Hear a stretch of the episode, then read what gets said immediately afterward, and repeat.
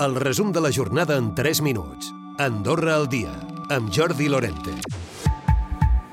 La lentitud de molts afers judicials i la investigació de l'expresident del Consell Superior de la Justícia, Enric Casadevall, recordem per prevaricació, han perjudicat la imatge de la institució. És el que creu el nou president d'aquest Consell Superior de la Justícia, Josep Maria Rossell, que creu que s'ha de capgirar aquesta situació i que cal més transparència. Nosaltres el que hem de fer eh, és mirar cap endavant, no? mirar de que la institució eh, recobri una mica doncs, eh, doncs, aquest desprestigi que no única i exclusivament es deu al fet aquest concret que vostè m'acaba d'apuntar, sinó a diverses circumstàncies i diversos factors que s'han anat produït eh, al llarg de, de, de, durant aquests anys passats. No?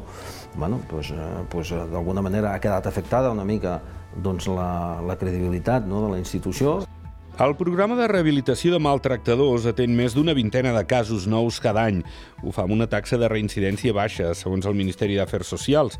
En els darrers sis anys han atès 130 agressors per violència de gènere, alguns d'ells en condemna. La mitjana es troba entre els 20 i els 30 casos nous per any.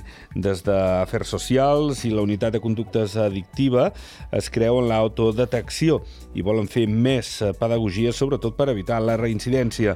En parla el tècnic d'atenció d'Atenció Social del Ministeri d'Afers Socials, Pol Vilallonga persones que nosaltres tinguem constància a dia d'avui que han reincidit com a tal, n'hi ha set i dels quals han, hagin estat condemnats, és a dir, hagin tornat a estat denunciats i hagin sigut condemnats amb, amb una condemna ferma, n'hi han tres.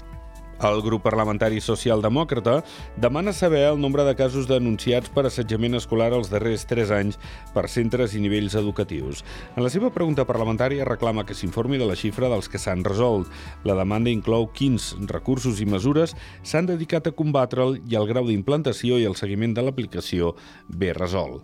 I d'altra banda, l'Associació de Mares i Pares de l'Escola Andorrana assumeix la gestió del menjador de l'Escola Francesa de Sant Julià de Lòria. De fet, ho farà a partir del pròxim dilluns. El preu del menú no variarà i continuarà sent de 90 euros mensuals. El servei es mantindrà pel cap baix, el que queda de curs escolar. Importats 16 milions i mig de litres de carburants al mes de gener, això és un 11,5% més respecte al mateix mes de l'any passat.